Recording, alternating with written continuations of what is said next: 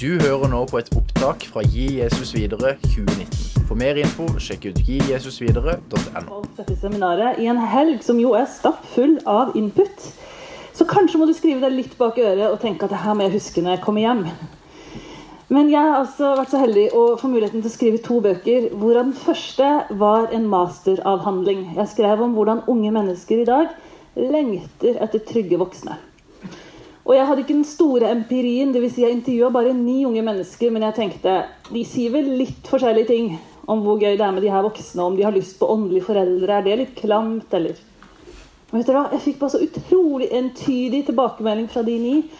Ja, vi savner voksne. Vi savner trygge voksne. De trenger ikke være kule, men de må være trygge. Og så brukte vi å snakke litt om begrepet, da. Åndelige foreldre. Er det litt klamt? Var det litt sånn høye skuldre? Og den unge generasjonen har nok et mer positivt forhold til åndelig begrepet. Så de sa å nei, det hørtes trygt ut. Jeg har mentorer, jeg kan få en coach, enten på trening eller på jobb eller i studiet. Men det impliserer at jeg skal bare lære noe, så slipper de meg. Men far eller mor, det høres ut som kaffe og sofa og noen som ikke slipper taket. Så Derfor ble altså dette begrepet åndelige foreldre noe jeg har snakka mye om og altså eh, skrevet bok om. Og så har jeg da de siste fire åra reist rundt i så å si alle norske kirkesamfunn. Og uansett hva som står over døra, eller hva som pryder veggene, så har vi det veldig likt. Og det som ble det tydeligste signalet for meg, var de unge som sier 'ja, du sier det vi tenker'. Og så har jeg sett lys i mange øyne som sier 'er det sant'? Er det fortsatt bruk for meg? En på et eldretreff, husker jeg. Han rista meg i hånda og sa han, Takk for at du kom på eldretreff og utfordra oss. Jeg begynte å bli litt lei av å høre om himmelen. Han syntes det var godt å høre at det fortsatt var bruk for han i en alder av høyt oppi åra. Så sier jeg at du kan aldri bli pensjonist i Guds rike. Også om innspurten er å be for og vise omsorg men også da å invitere noen unge inn i livet ditt. Men så hørte jeg én ting, og det ble påfallende for meg ganske raskt. At de eldre kommer med lys i øya, de unge kommer med lengsel i øya. Og så sier de begge men vi savner foreldregenerasjonen. Og noen sa til og med mamma og pappa tok meg alltid med i kirka. Og så flytta jeg hjemmefra, og nå går de ikke i kirka lenger. Å, mamma og pappa er blitt så kjipe, jeg prøver å ta dem. Og jeg har dessverre vært årsak til at noen, særlig bibelskoleelever, har ringt hjem på kvelden og gitt foreldrene en liten sånn lekse på at dere må ikke pensjonere dere. Hun læreren vår sa. Og så har de forsøkt da, å gi uttrykk for at det fins liksom en livsfase i våre menigheter hvor jeg lurer på om vi holder på å miste og glippe en generasjon. For du vet, i Lukas 15 så forteller Jesus en historie det begynner med at Jesus får kritikk. Oi, der var vi langt av gårde. Det begynner med at Jesus får kritikk. Han rev og hang med helt feil folk. Det var fariseerne og de skriftlærde som vanlig som var ute med på en måte skarp penn og skarpere klør. Og så kritiserte de Jesus for hvem han var med, og hva han gjorde. Og Jeg skal ikke dra sammenligninga langt, men jeg tenker av og til på hvem hadde vært dagens skriftlærde fariseere. Og jeg er fryktelig redd at jeg kunne kommet i den kategorien. Jeg som er innafor. Jeg er en av de frivillige. Og hvorfor er ikke folk her søndag klokka 11? Hvorfor er de så sløve? Og så har jeg kjempelett for å dømme de som ikke gjør nøyaktig slik som meg. Og så har jeg litt for lett å ta Jesus til inntekt for min mening eller mitt engasjement. Og Derfor kan jeg også da si Jesus, du henger med feil folk. Du må ikke dra til Hovden på hyttefeltet. Du må være her i kirka. Men så sier Jesus at han kom ikke for de friske. Han kom for å oppsøke det som var fortapt. Og vi kan lese sammen fra Lukas 15. Dersom en av dere eier 100 sauer og mister én av de, lar han ikke da de 99 være igjen ute i ødemarka og leiter etter den som er kommet bort, til han finner den? Og når han har funnet den, så blir han glad og legger den på skuldrene sine. Og straks han kommer hjem, så kaller han sammen venner og naboer og sier til dem, gled dere med meg, for jeg har funnet igjen den sauen som var kommet bort. Jeg sier dere på samme måte blir det større glede i himmelen over én synder som vender om, enn over 99 rettferdige som ikke trenger omvendelse. Og mitt hjerte har da blitt vekka de siste fire åra på om kanskje det er noen ganske bortkomne gråhåra sauer Jesus er ute og leter etter i dag. Og så kan det jo hende den hyrden har leita etter den samme sauen om igjen. og Må du forville deg vekk? Kan du begynne å høre etter? Egentlig litt sånn som jeg er med mine to litt sånn trassalderbarn. Men noe av det samme hjertet har kanskje vært i hyrden at ja, men ikke rot deg bort, da. Men han leiter stadig. For jeg har også møtt så mange som er så frustrert over de her gråhåra sauene. Og som har vært så irritert på den hytta. Og vært så sorgfull, men egentlig litt sånn sinna. For hvor blei dere av? Å, jeg gir de helt opp. Men vet du, vi var kalt til å ha hyrdens hjerte. Som forlater de 99, de velfødde, de velbevarte, de som faktisk fortsatt er med.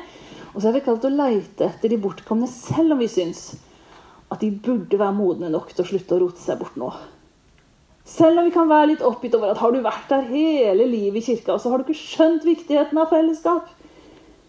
Men vi var ikke kalt verken til å dømme eller å kategorisere andre. Men jeg tror det også trengs å vekkes en nød i oss for en generasjon som er i ferd med å bli borte fra menighetene våre. Roald Seifert sa det i går ut ifra sin masteravhandling. Vi mister så innmari mange barn og unge. Og 11-årsalderen og konfirmantalderen er liksom den tida hvor det er ganske kritiske punkt. For da forsvinner de ut fra sammenhengene våre. Og vi har en attraktiv inngangsdør, og så har vi en vid, åpen bakdør. Og jeg har sagt nå ganske lenge at kanskje kunne åndelige foreldre, noen godt voksne, være dørvaktene. Og da mener jeg ikke sånn innkaster hvor ingen får gå ut her. Men kanskje hvis du kunne velsigna noens utgang, så muliggjorde du en inngang igjen en annen gang. Kanskje han med alle de kritiske spørsmål faktisk fikk svar på noen av de hos en litt eh, eldre eller en voksen mann eller kvinne som tåler tvilen og tåler alle de vanskelige spørsmåla. Kan noen som er litt eldre, få lov til å stå i den bakdøra og gjøre det både vanskeligere, men også bedre? Hvis skjønner meg rett. Og forlate sammenhengene våre for å muliggjøre at de kommer tilbake. Og så er det bare det at nøden min er at også i våre bakdører så forsvinner det stille og forsiktig ut en del godt voksne. På godt engelsk så kalles de 'empty nesters', altså de som har fått tomt rede, de som har fått barna ut av huset, de som har fått en nyvunnen frihet, og som ikke lenger behøver å gå i kirka for sine barns skyld. Og jeg tror at vi også må gjøre noe med de bakdørene, så vi ikke mister så altfor mange. Og så har jeg også sagt at Åndelige foreldre må få gi definisjon på det. Det er personer som på veldig ulikt vis velger å vise omsorg og gi veiledning om tro og liv. Og dette kan skje uavhengig av alder og sivilstatus. Og det forutsetter ikke at du har egne barn. Og den der at det er uavhengig av alder, det er ikke bare for å heie fram 16-åringene eller 20-åringene, for de har ofte en del mer tro på at de kan bety noe for de som er yngre enn seg. Men jeg pleier å si det både til 40-åringene, som begynner å kjenne at ikke de er så kule lenger, 50-åringene, 60-åringene, og også de som lurer på om de er helt utdatert i Guds rike, så har jeg lyst til å si at den rikeste tida kan være nå. Og den kan handle om foreldreskap. Og det kan hende at den tjenesten flyttes fra scene med mikrofon til sofa og kaffe og prat. Men det kan være noe av det viktigste du gjør. Men de er altså savna. Generasjon savna har jeg kalt de. Og det som preger de jeg liksom har et inntrykk av at blir borte, det er da Barna er ofte ute av huset. Eller man har i hvert fall eh, fått lov til å abdisere fra privatsjåførrollen. Ja. Så man kjører ikke bare rundt etter alle andres behov og ønsker. Man har kanskje fått huset for seg selv, og man har fått en større økonomisk frihet. Dermed er det en generasjon som i større grad både reiser, pusser opp, begynner å trene, eh, realisere seg sjøl, kanskje videreutdanne seg eller ta et skifte før det er for sent på jobb. Mens noen er i en sånn fersk pensjonistalder og tenker at åh, og det er ikke lenger når jeg blir 66, så gjør jeg som jeg vil. Men den er kommet litt før, og så kjenner jeg at det er deilig å ha stor frihet også fra det forpliktende fellesskapet som har vært menigheten. Og noen har det opp til her av å stå på ei liste. Enten det er vaskelista eller bakke kakeliste eller gjør noe for noen andre-lista. Og så kjenner de at det er deilig å slippe de listene. Noen syns det er litt sårt, for På deres liste så var det kanskje å stå her og få lov til å være i styret og komiteen og dugnadsgruppa og ha mye ansvar og tillit.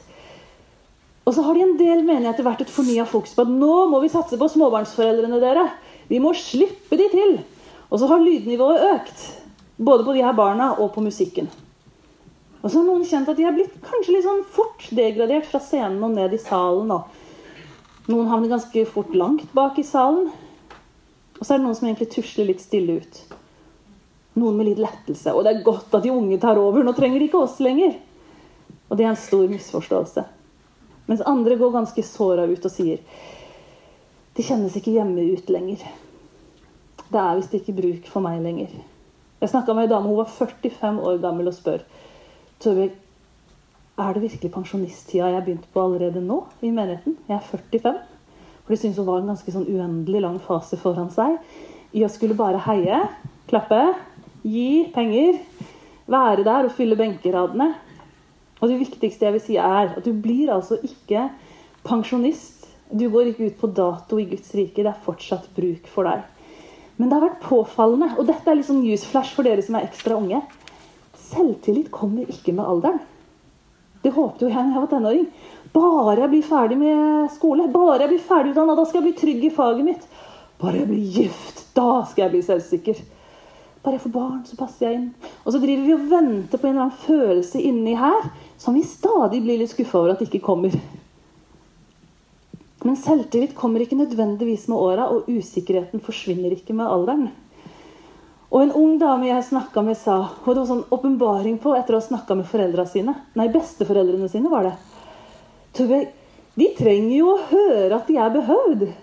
Og de må visst høre at vi vil ha dem. For ofte kan vi snakke oss imellom, og så er det ikke alltid vi er flinke nok til å etterlyse og si nettopp til denne generasjonen som har blitt litt perifere for oss Vi savner dere! Og dere har masse å gi oss! Og stemmene deres er viktige. Og selve hjertet mitt med denne boka er at det ikke er en fordømmelsesbok som skal piske noen tilbake, men det er egentlig et hjerterop som skal få lov til å elske mennesker tilbake, fordi de får høre at de må høre både på Guds stemme og andre menneskers stemme på at de har noe å gi, og at de er viktige. Og at den usikkerheten, den må man egentlig ta tak i selv, og ikke vente at skal gå bort. Og så tror jeg igjen, da, som jeg sier i boka, at istedenfor at vi skal bli for frustrert og for sytete og klagete på de her himla 50-åringene som blir borte. For vet du, til slutt så får de høre det. Og hvis vi skal klage for mye på de hyttene, så er ikke det noe verken glede eller nestekjærlighet i det.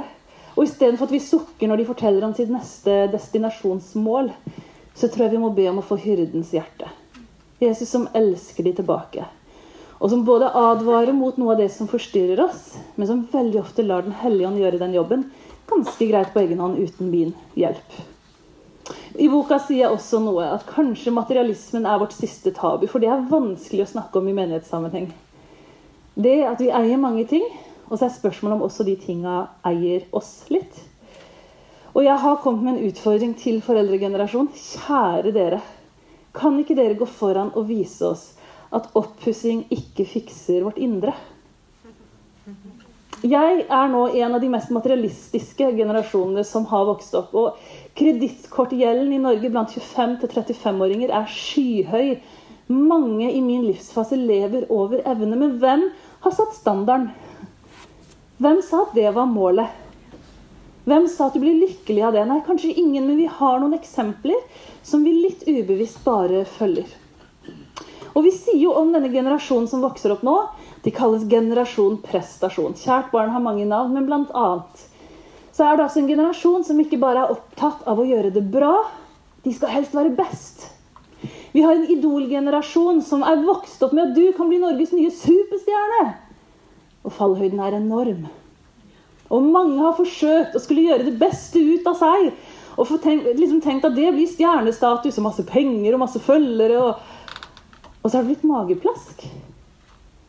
Forrige uke var det et utrolig interessant leserinnlegg i Aftenposten i Side, hvor unge stemmer slipper til, hvor en ung jente sier Kjære foreldre. Grunnen til at vi ikke er lykkelige, er at dere har ikke forberedt oss på realiteten i livet. Hun sa i et eksempel at da gullfisken min døde, Den dagen jeg var på skolen, så hadde mamma gått ut og kjøpt ny gullfisk, sånn at når jeg kom tilbake, skulle jeg ikke merke noen ting. Men hvordan forbereder det deg på tap, på sorg, på død?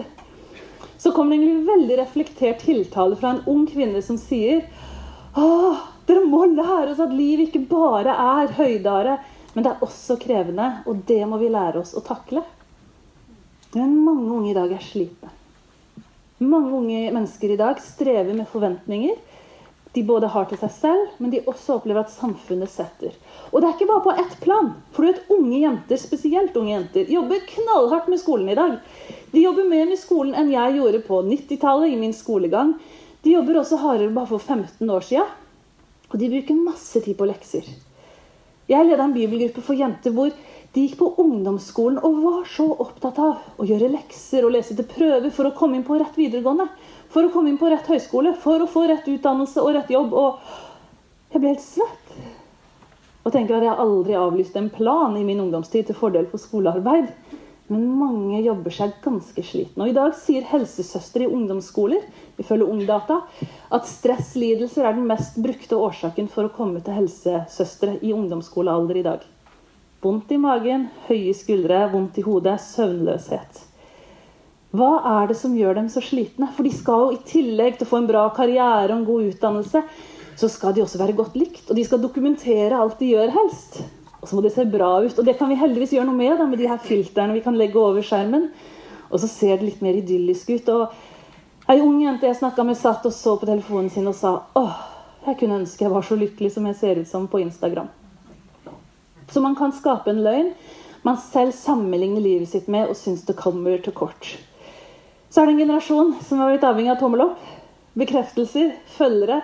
Mange ser de, og samtidig så øker ensomheten.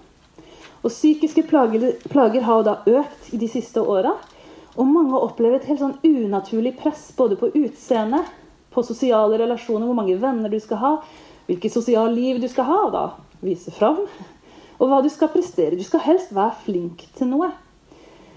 Og den klokeste Per Fugelli ble intervjua om det på slutten av livet, og han sier at vi, du og jeg, moteindustrien, politikerne, skolen og idretten, og jeg har lyst til å legge til kirka, vi har alle et ansvar. Det handler om hvilke menneskesyn vi vil ha i samfunnet vårt. Vi må lære oss å være glad i oss selv som uperfekte mennesker, ikke forsøke å leve opp til en eller annen gullstandard, sier Fugelli. Der har vi som kirke og vi som driver ungdomsarbeid, en utrolig god utfordring på å være en motstrøm, en annen stemme, inn i den gullstandarden. For vi har en som har sagt det er fullbrakt. Kom som du er. Her er det hvile. Slutt å streve. Vi må heller ikke gjøre det til prestasjon å være en god kristen. Han blir spesielt spurt om opplever dagens unge jenter et større press enn tidligere generasjoner, og han sier det er helt åpenbart at vi hadde et mye rausere normalitetsbegrep i gamle dager. I dag må man leve opp til et glansbilde, sier professoren. Og det glansbildet strekker seg langt utover tenåringstida. Men mange kjenner på at det er vanskelig å være de. Og de har fått få verktøy til å håndtere de dårlige dagene, den vonde klumpen i magen, relasjonsbrudda og det å være ensom. Og mer enn noen gang før så tror jeg ungdommer i dag trenger noen som har gått ett steg foran, og så sier de det går over. Det kommer til å gå bra. Og kristenlivet er ikke bare siste kveld på leir, men Gud er fortsatt god. Og han bærer deg også når du kjennes stille, og når det kjennes mørkt. Og det er rom for dine kritiske spørsmål. Så er det bare det at jeg, meg selv inkludert, kan av og til se på de unge langt opp i nærmere 30-årsalderen. Og så kan jeg allerede nå tenke åh, men de er så kule. Og de er så skumle. Og de ser ut som de greier så greit. Så jeg tar bare og trekker meg litt tilbake. For jeg vil jo ikke ødelegge. Jeg vil ikke være hun kjipe, hun gamle. Og det har jeg oppdaga at er en av de største misforståelsene mellom generasjonene i dag. Nemlig at vi avviser hverandre på feil grunnlag. Da tenåringsbegrepet oppsto på 50-tallet, så var det ut ifra opprør. De skulle ikke bli som foreldra sine. De skulle ha glattere hår, trangere bukser, kortere skjørt. Høre på musikk mamma og pappa ikke godkjente. Og eksperimenterte mye på mange områder. Og foreldra var på en måte det teiteste som fantes. Og nå var det kommet noe nytt, nemlig tenåringstida. Og så har den vært i forskjellige utgaver, både på 50-, 60-, 70- og 80-tallet.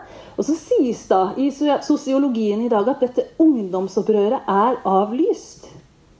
Og at tenåringer i dag ikke har så mye imot å bli som foreldrene sine, faktisk. I den store Ungdata-undersøkelsen igjen så sier over 75% at de ser på mamma og pappa som kompis og venninne. Og så er de enda mer glad i besteforeldra sine. De er glad i familien. De bruker mer tid med familien. Og så er de ikke så veldig sånn obsternasige eller kritiske til de voksne. Utfordringa at vi husker oss sjøl som tenåringer. Og kanskje, det hører jeg kanskje særlig fra en enda eldre generasjon enn meg, at å, jeg skal i hvert fall ikke bli min tante Olga. Hun tuta øra mine fulle av gode råd jeg ikke var interessert i. Så i min godhet så la jeg nå være å gi noen råd i det hele tatt. Og så vokser det opp en generasjon som lurer på hvorfor ikke de får noen som advarte de om hvordan ekteskapet så ut da etter fem år. Eller hvordan man blei lenge i en jobb. Eller hvordan det var å være en menighet når entusiasmen liksom gikk litt ned på hell. Og så har noen i sin godhet forsøkt å ikke bli sin tante Olga eller onkel Wilhelm. Og så sitter en generasjon og lurer på hvorfor bryr de seg ikke nok til også å gi oss noen gode råd. Samtidig opplever de at den travelheten de ser foreldregenerasjonen egentlig kaste seg inn i, det opplever de også som en avvisning. De er visst for travle for oss. De har visst bedre ting å gjøre enn å være med oss. Men så er jeg den første til å si at skal vi først møtes, og er vi først flergenerasjonsmenighet, så er det jammen meg ikke lett alltid å være sammen. Og noe av det vanskeligste er musikken. Her kommer de sterke følelsene og de store orda ganske raskt til overflaten når vi skal snakke om hvorfor det er så vanskelig søndag klokka 11 å samle alle, og at alle skal gå glade hjem. For vi kan ha det innmari greit å få igjen der ute. Både klemme og si hei og takk for sist. Og så går vi inn i gudstjenesterommet, og så slår første tone an. Og brått kjenner halve salen seg helt fremmede. Og den andre delen av salen bare åh. Enten første tonen slås av av en elgitar eller et orgel. Men de siste 15-20 åra har egentlig hele Kirke-Norge blitt tatt av en lovsangsbølge. Og I de aller fleste menigheter så har vi nå kun lovsangsteam eller lovsangsarbeid som vårt musikalske uttrykk. Og det er masse bra norske lovsanger som skrives. Det er mye godt som både har skjedd, og som skjer i lovsang og tilbedelse og ut ifra lovsangsmiljøet. Det er bare at den store variasjonen, den er blitt borte. Og Du skal vel litt lenger tilbake for å både huske strengemusikk og korps og kora i alle forskjellige aldre og utgangspunkter og det vil si, eh, stemmer som fikk lov til å synge. Men sannheten er i dag at vi har et ganske smalt uttrykk. Og veldig ofte så er det de unge som står i bresjen for lovsangsarbeidet. Og når jeg snakker med 50-åringene, som da ganske lenge opplevde at de var der på sine foreldres premisser, og det var foreldrene som bestemte, og som både sto her og som sang musikken de likte. Og liksom akkurat når de begynte å bli liksom litt nærmere sine egne foreldres alder, da de bestemte, nei, da var det tid for å satse på småbarnsforeldrene. Og så var det sånn Når er det min tid? Når var det min musikk? Og det er 75-åringene, 80-åringene, 90-åringene Jeg opplever at det er en blanda, men det er også en stor raushet. Noen er også heldige at de kan ta ut høreapparatet. Men også en raushet hvor de erkjenner det kan jo ikke være min musikk som bestemmer. Det kan ikke være min smak lenger nå. Jeg har hatt min tid. Det er det få 50-åringer som sier. Og mange vil si 'jeg har ikke hatt min tid'. Den kom aldri. Derfor skaper musikken sterke og av og til vonde følelser. Og dessverre har også de følelsene og meningene blitt artikulert Søndag fem år halv ett, når gudstjenesten er ferdig, og det er det stakkars lovsangsteamet som får unngjelde. Og av og til har det vært sterke ord, sårende ord, som igjen ikke har gitt grobunn for en god relasjon. Men mye godt synges, og så tenker jeg samtidig Og jeg kjenner De siste fire åra har jeg blitt en forsvarsadvokat for en generasjon som ennå enten ikke er der, eller ikke så klokt har fått satt ord på den sårheten de kjenner i forhold til musikk. Jeg har ofte sittet, særlig på ungdomsmøter, og så har låtsangsteamet enten øvd før møtet eller under møtet, så har, så har jeg sittet og tenkt åh, jeg lurer på Forstår du det du synger? Det er mye fine engelske sanger, er det ikke det? Vi er ikke så gode i engelsk som vi liker å tro. Og det så lurer jeg på om ikke mer av vår undervisning og forkynnelse burde være ut ifra våre lovsanger, så vi visste hva det var vi sto og bekjente for vår Gud.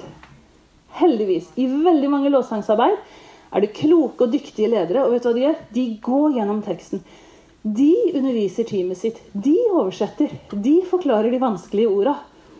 Men har vi en sånn kjapp håndsopprekning på hva 'unravel' betyr? Et par. Én, to hender. Men synger vi ikke med, da? Jo, det er lett å synge med. Jeg skjønner bare ikke helt hva det betyr. Men Gud skjønner engelsk. Og jeg tror at den enkleste første steget for å skape samhold, det er at vi synger et språk alle forstår. Der synges og skrives det, og oversettes det stadig mer til norsk. Heldigvis. Det skrives masse gode norske lovsanger. Men hvis jeg kan bare gjøre noe for å ta vekk anstøt, hvis jeg kan bare gjøre bitte grann for å rydde vekk en snublesten, så tror jeg det er på tide at det ikke er enten-eller, men både og i våre menigheter. Forkynnelse ut ifra det vi synger. Forklare også de engelske sangene. I noen sammenhenger så har de den norske teksten under. Den er ikke oversatt til norsk, men du skal vite hva det egentlig er du står og bekjenner. Det er også en god idé. Men istedenfor å liksom Å, forstår du det du synger? Så tror jeg vi skulle gjort som Philip. Som løper opp til vogna til den etiopiske hoffmannen, så spør han Forstår du det du leser? Nei, hvordan skal jeg forstå når ingen forklarer meg? Hopp oppi. Kanskje skulle du hoppe oppi og også vært med og gitt eh, forståelse for det som blir sagt. Det står i Efeserne Bli heller fylt av Ånden, og syng sammen. La salmer, hymner og åndelige sanger lyde. Syng og spill av hjertet for Herren. Og jeg tror at vi i menigheten har masse potensial for å få tilbake et mangfold som ikke går på bekostning av noen, men som gir flere plass. I boka mi så siterer jeg Jan Honningdal. og Han er kjent for noen som en, egentlig en legende i norsk lovsangsmiljø. Og han er en stayer, for å si det på godt norsk. Han er trofast, og han har vært en lovsangsleder i mange mange år. Han sier i det som var Impulspodden, en podkast av Imi-kirka, så sier han dette. Jeg kunne ønske bredden i kristent musikkliv blei mye breiere. At vi hadde kor, ungdomskor, barnekor, solister, både instrumentalister og sangere. At det var band, at det var plass til klassiske musikere, at vi hadde visesanger, trubadurer inne. Jeg skulle gjerne sett det, for da jeg vokste opp var det stor bredde.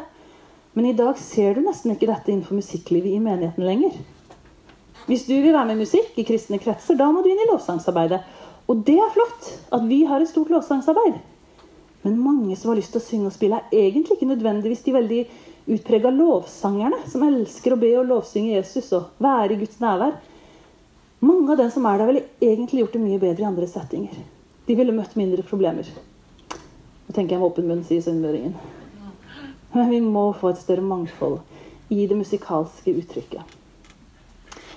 Og der mange godt voksne har tålt seg i hjel ganske lenge, så har mange unge fått lov til å utfolde seg helt fritt i det som skulle være den store fellessamlinga, gudstjenesten klokka 11. Det er ikke mye som skal til. Den ene knaggen, den ene sangen, den ene tingen som gjorde at også den generasjonen vi ikke ser, oss lenger, ser mye iblant oss lenger, kunne kjent seg hjemme. Og så tenkte kanskje noen av dere unge at nå dissa jeg de engelske sangene litt vel mye, og dere er veldig gode i engelsk. Og da vil jeg bare skynde meg å si at hvis vi skal begynne å pusse støv av en del av de gode, gamle sangene, så må vi jammen gjøre litt oversettelse da òg. Når jeg har tenkt meg trett til døden, si så hva du har tenkt, å Gud. Da kan jeg se at morgenrøden bak tvil og vonde veller ut. Kjapp forklaring på vonde. Men vi synger jo med, for det er liksom god, god gammel salme så skal vi også ta tilbake noe av det jeg mener er noen av de mest slitesterke salmene vi har. Så kan vi nok en gang gi forklaring. Og du, så må du tåle at de kommer i et nytt arrangement. ok? Så må du tåle at det ikke er orgelet, men elgitaren. Og at de kanskje legger inn litt, eller lager en ekstra bridge. Og så må du takke Gud for at en ny generasjon også blir kjent med sanger som har vært viktige for deg opp igjennom. Jeg tror det er en tid for større raushet iblant oss når det kommer til musikk. Samtidig så er det viktig at du ser i bakspeilet. Bilkjøring er ikke blitt det samme etter at jeg fikk to barn. Kjøre bil det var kjempedeilig. Høre på podkaster og ringe venninner og høre på radio og tenketid. Nå er det mer liksom komme seg fra A til B uten for mye skriking og for mange pauser. Og det viktigste jeg gjør, er å sørge for at de to i baksetet har det greit. Hvis du i din menighet egentlig er så opptatt av tut og kjør og din stil, men ser i bakspeilet at det blitt tomt i baksetet, så er det ikke verdt det. Foreldrehjertet strekker seg langt fordi vi har lyst til å ha med på veien. Og da er det bare Gud og hans kjærlighet som kan forandre oss til også å tåle mer av hverandre. Og tenke at de aller viktigste vi vil hanke inn i våre menigheter, det er barna og de unge. Så det første punktet var altså musikken gjør det av og til vanskelig å ha relasjoner eller møtepunkter hvor relasjoner kan oppstå mellom generasjonene. Og så kom jeg til et punkt som er litt vanskelig å snakke om. Og det er modenhet. Paulus sier tydelig i Kolosserne. Det er han vi forkynner, og vi veileder og underviser alle mennesker i den fulle visdom, for å føre hvert menneske fram til modenhet i Kristus. Hva er det å være moden i Kristus? Han skal vokse, jeg skal avta. At Jesus både er frelse, men han er også herre. Og at jo lenger jeg lever, jo mer av livet mitt har han fått herredømme over. Jesus sier også at den som, skal, den som vil finne sitt liv, må miste det for min skyld. Men den som mister sitt liv for min skyld, skal finne det. Og den store omveltninga, tenker jeg, i å bli en moden kristen, er at det går fra jeg, meg, mitt, min stil, min preferanse, min smak, til Jesus, du er Herre. Og jeg er villig til å legge ned alle disse tinga for at du skal få være Herre. Jeg har møtt litt for mange unge som også har møtt den umodne sida av foreldregenerasjonen. Så sier de Torbjørg, jeg ser ikke så mange jeg vil følge. Jeg ser ikke. Jeg, jeg har ikke fått oppdage at de har et liv i Bibel og bønn. Og vi har hatt litt for mange klasjer. Det har vært litt for mye klager på ungdommene som har drevet og rota på fredagskvelden. Og istedenfor at de takka Gud for at vi var 70 stykk, så kjefta de på oss for at ikke vi hadde rydda. Og så har de møtt noe umodenhet. Fordi modenhet egentlig heller ikke kommer med åra. Men det kommer av å leve tett med Jesus. Og samtidig vil jeg si at den usikkerheten som også da kan vare langt opp i åra, den kan også prege noen av de modne. Nå sier jeg noe litt rart, men jeg tror du kan være en moden kristen og ikke være trygg på at du er det. Og da må du lese sånne vers som dette. Mine søsken, jeg for min del er overbevist om at dere er fylt av godhet og har kunnskap nok, slik at også dere kan rettlede hverandre. Jeg har møtt så gode mennesker som har tjent Jesus så lenge, og menigheten, jeg møtte ei dame. Hun hadde vært hver, eller annenhver tirsdag i 25 år. hadde hun kommet og blanda saft og har bakt boller til barnekoret i kirka. Og jeg bare Å, du har masse å lære meg! Å nei, nei, hun hadde ikke noe å lære meg. Og hun syntes de unge var så skumle, og så sa hun vet du, du skal lære meg trofasthet. Utholdenhet. Men nei, nei, nei, jeg har ikke noe i. Jo, jo. Vi må også fylle oss med tro på at Kristus i oss er mer enn nok. Og selv om ikke modenhet kommer i morgen, så er det utrolig hva ånden, altså ånden kan skape i oss når vi tar et steg fram og sier OK, jeg bruker det lille jeg har. Men det vi ser er jo, og det ble referert til i går, denne lignelsen om jordsmonnet. Og hvordan såkorna lander ganske ulikt i ulike mennesker, ulike faser, ulike perioder av livet. Og så sier han altså at det, de såkorna som faller blant tornebusker, det er vi som nok hører ordet, men som på veien gjennom livet kveles av bekymringer, rikdom og nytelser, så vi ikke bærer fullmoden frukt. Jeg har blitt eh, oppmuntra og advart mot bekymring. Jeg har hørt mindre advarsler mot rikdom og nytelser. Er det ikke det vi egentlig vil ha, hele gjengen? Mest mulig komfort, kjappest mulig, og gjerne til en billig penge, for penger er viktig for oss. Men når Jesus så tydelig advarer at det kan hindre han og hans verk i mitt liv, så tror jeg vi egentlig skulle ha advart hverandre mer. Og så tror jeg at i og med at dette ungdomsopprøret er avlyst, og det er gode nyheter for relasjon, og så er det dårlig nyhet for å snu en trend og en pengegalopp som bare øker. Men noen må slutte. Noen må slutte sirkelen og si nei, nok er nok. Det her kan vi ikke fortsette med. Og noen må kanskje ta noen litt radikale steg for å også vise at den friheten av og til koster. Og vi må gjøre noe som viser veldig tydelig at vi vil heller ha det Jesus har for oss, enn det alle andre har. Et av de siste punktene er nemlig dette med arv. Vi er jo kalt til å gi det videre. Og vi er her i dag fordi noen har gitt Jesus videre til oss. Noen har gitt Jesus videre til dine besteforeldre. Noen ga Jesus videre til de som ga Jesus videre til dine besteforeldre. Altså Vi står i en lang, lang, lang rekke, og det må ikke slutte med oss. Og vi er da kalt til å gi videre det vi har fått. Ikke bare kose oss med det, ikke bare dra hjem fra konferanse og liksom, åh, nykose seg med de notatene. Men spør Gud hvem skal jeg gi dette til? Hvordan skal dette se ut? Det står i ordspråkene at den gode etterlater arv til barnebarna. Og En som heter Nathan Edwardson, han har sagt det sånn. Din tjeneste, det er det du skaper med hendene dine. Din arv, det er det dine barn skaper. Kanskje har det at vi realiserer oss selv mye lengre, både sosialt og på en måte med utseende og trening og se freshe ut, og hjemmene våre skal vise hvem vi er. Men også i menighet så kan dette med tjenesten bli egentlig en måte å få brukt seg på realisere seg på. Og av og til så kan det gå på bekostning av at noen andre får lov til å komme opp.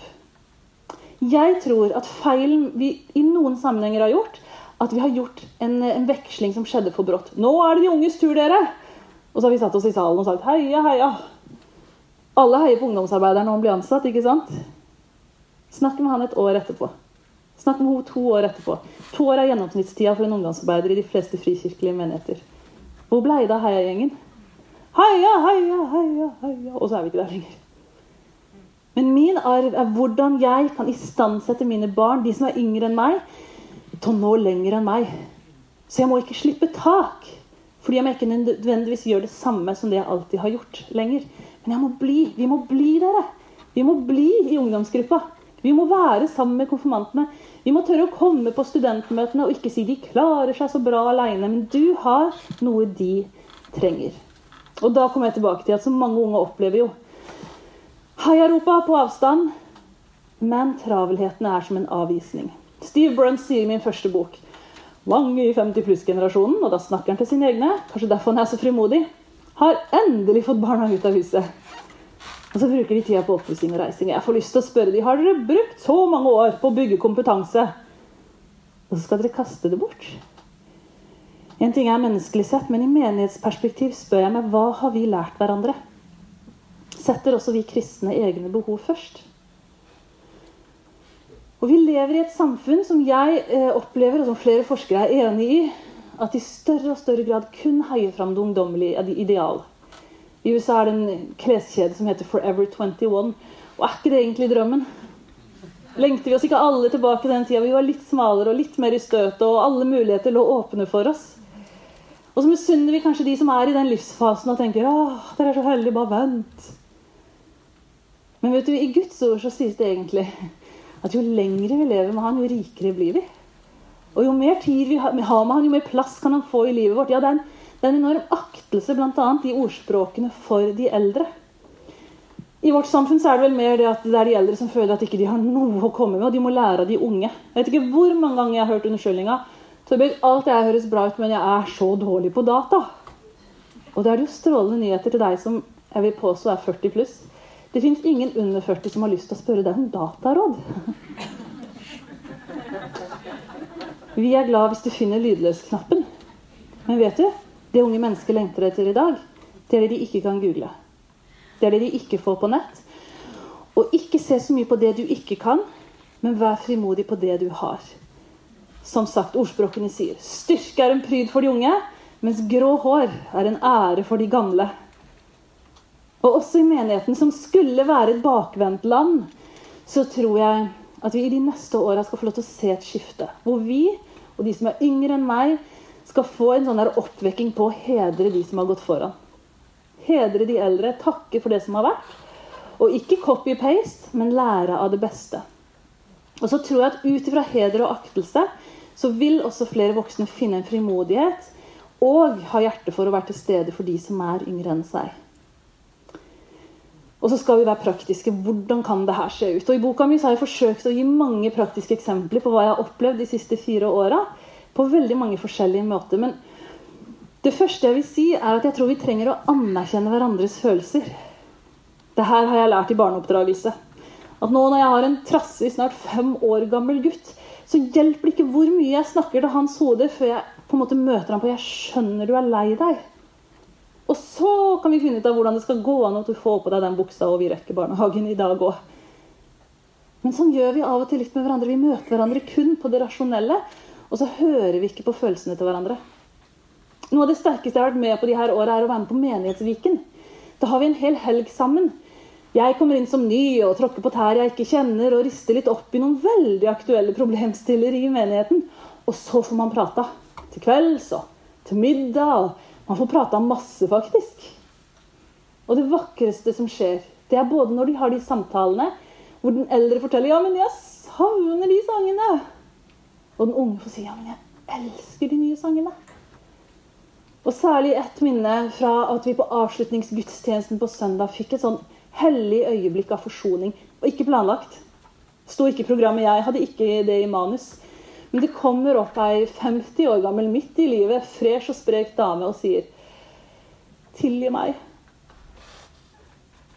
Jeg brukte treninga og travelheten min til å bare melde meg ut fordi dere har trua meg sånn. Jeg følte meg så liten. Men tilgi meg at jeg slapp dere. Og så kommer jeg av de unge opp og sier vi tilgir. Og tilgi oss at vi av og til er litt skarpe i kantene. Og så opplever vi et øyeblikk av forsoning som er noe av det vakreste og mest naturlige som skulle skje i Guds kirke. Men gi plass til følelsene. Gi et rom for å gi uttrykk for de følelsene, og begrens tida for de følelsesutlegga. For har man først fått satt ord på, først får liksom få sagt sin klage, så må man også slippe tak. Og selv om å tilgi ikke er å glemme, så er det å ikke holde det mot hverandre lenger. Og så tror jeg at vi må skape arenaer der hvor vi har mer øyefellesskap enn nakkefellesskap. Vi trenger border hvor vi prater sammen. Og jeg foreslår at vi av og til kutter musikken helt for at vi skal være sammen om det som er det viktigste. Det å dele troshistorie, dele hvorfor vi er hos Jesus fortsatt, det binder oss sammen. Det kan enten være i det store rom, eller i det store fellesskapet, eller i smågrupper. Og så tror jeg så innmari på at hvis vi får hverandres vitnesbyrd, hvis du får høre hvordan 77-åringen tok imot Jesus, så vil det være så inspirerende for hos 17-åringen som nettopp har tatt imot Jesus. Og det vil inspirere 77-åringen like mye. Vi trenger å høre hverandres vitnesbyrd, også i det store rom. Og så tror jeg at vi må vise fram det vakreste i flergenerasjonsmenigheten. Enten det er sånn som Runa Landro gjør i går på kveldsmøtet, og sier noe om hva som har skjedd i hans nærmeste familie, men også de relasjonene som er litt ulogiske, og som har oppstått mellom generasjonene i menigheten. Jeg tror det er mange praktiske ting vi kan gjøre, og jeg tror det er løsninger og nøkler som er helt unike for din sammenheng, men vi må begynne å snakke om hvordan vi skal klare å spleise generasjonene igjen. Mest av alt så tror jeg vi må begynne å be om at Gud skal vende fedrenes hjerter til barna og barnas hjerter til fedrene. Jeg har bedt om en hjertevekkelse nå i noen år, og jeg syns jeg ser det skje. Og det mest påfallende er hvordan barnas hjerter står dirrende klare for noen voksne som bare vil se. Som inviterer de inn, og som har tid til de. Dette er ikke nok en sånn 'dette burde du gjøre etter at du kom hjem fra konferanse'. Ikke tre steg før neste marsj. Men hvis hjertene snus, og det er ut fra kjærlighet, så tenker jeg at det er utrolig hva som kan skje. Mm.